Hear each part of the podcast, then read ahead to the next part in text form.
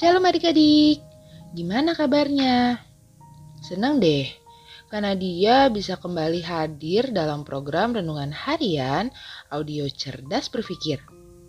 Edisi kisah-kisah dan tokoh-tokoh dalam Alkitab.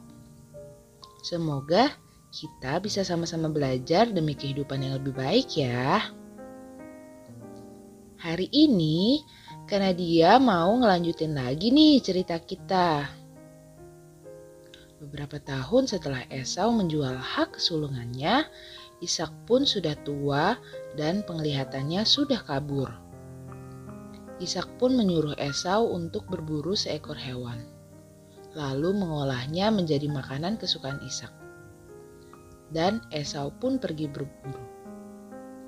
Ternyata Ribka mendengar apa yang dibilang Ishak kepada Esau tadi. Kalian masih ingat kan bahwa Ribka lebih sayang kepada Yakub ketimbang kepada Esau? Mungkin juga Yakub udah cerita ke Ribka bahwa Esau telah menjual hak kesulungan kepadanya.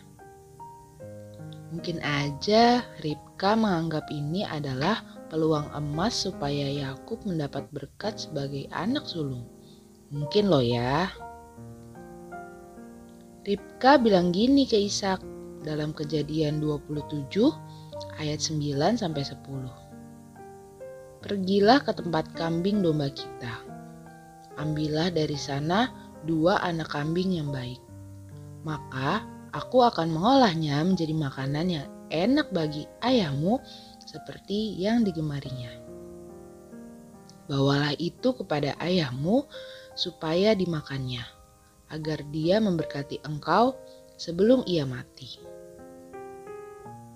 Ribka juga menyuruh Yakub memakai pakaian indah kepunyaan Esau. Dia juga membalut tangan serta leher Ishak dengan kulit anak kambing yang disembelih tadi. Biar kesannya kulit Yakub berbulu gitu, supaya Ishak benar-benar mengira itu Esau. Singkat cerita, Ishak pun berhasil dikelabui. Dia benar-benar mengira bahwa itu adalah Esau. Dia pun memberkati Yakub dengan berkat sebagai anak sulung. Isi perkataan berkatnya gini. Sesungguhnya bau anakku adalah sebagai bau padang yang diberkati Tuhan. Allah akan memberikan kepadamu embun yang dari langit dan tanah-tanah gemuk di bumi, dan gandum serta anggur-anggur berlimpah. Bangsa-bangsa akan takluk kepadamu, dan suku-suku bangsa akan sujud kepadamu.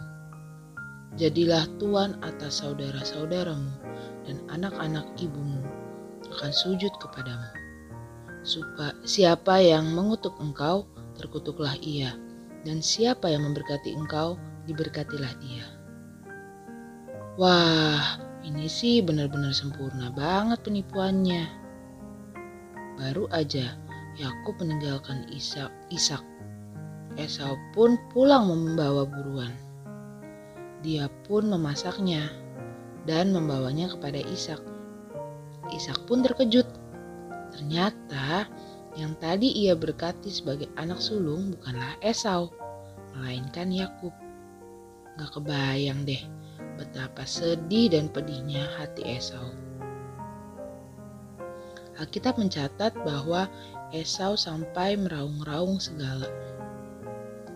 Esau pun terus meminta supaya Ishak memberkatinya. Dan Ishak hanya bisa mengatakan berkat ini dalam kejadian 27 ayatnya yang ke-39 sampai 40. Lalu Ishak ayahnya menjawabnya, Sesungguhnya tempat kediamanmu akan jauh dari tanah-tanah gemuk di bumi dan jauh dari embun dari langit di atas. Engkau akan hidup dari pedangmu dan engkau akan menjadi hamba adikmu. Tapi kelak apabila engkau berusaha sungguh-sungguh, maka engkau akan melemparkan kuk itu dari tengkukmu. Adik-adik, ini adalah catatan catatan buruk tentang suatu keluarga. Orang tua pilih kasih ibu dan adik bekerja sama menipu ayah dan kakak. Si kakak menyepelekan hak kesulungan sehingga ia ia jual ke adiknya. Ini sih kacau banget. Adik-adik, karena dia mau bahas dari sisi Esau nih. Soal yang lain mungkin nanti akan kita bahas satu-satu ya. Gini adik-adik, andai saja Esau nggak ngeremehin hak kesulungan. Kemungkinan besar nggak akan kayak gini jadinya kan? Kalaupun penipuan ini terjadi, ya mungkin aja Yakub jadi terkutuk. Tapi kan hak kesulungan udah dimiliki Yakub. Itu berarti berkat sebagai anak sulung bisa dimiliki Yakub kan? walaupun Yakub salah. Hanya demi roti dan masakan kacang merah. Esau malah menjual hak kesulungannya yang adalah masa depannya. Hari ini kita makin diingatkan bahwa kita nggak seharusnya mengabaikan hal berharga, apalagi masa depan hanya demi kesulungan sesaat. Masa depan kalian terlalu berharga. Jangan sampai kaliannya yang malah menghancurkannya dengan kesenangan sesaat. Tuhan menyediakan hari depan yang penuh harapan. Tapi kalau kita mengabaikannya, um, gak baik aja akibatnya. Eh, tapi bukan berarti kita gak boleh senang-senang loh ya. Kalau mau senang-senang, ya senang-senang aja, tapi harus bijaksana. Jangan sampai malah jadi dikorbankan. So, ayo kita makin bijaksana dalam mempergunakan kesempatan yang ada. Yuk, kita berdoa.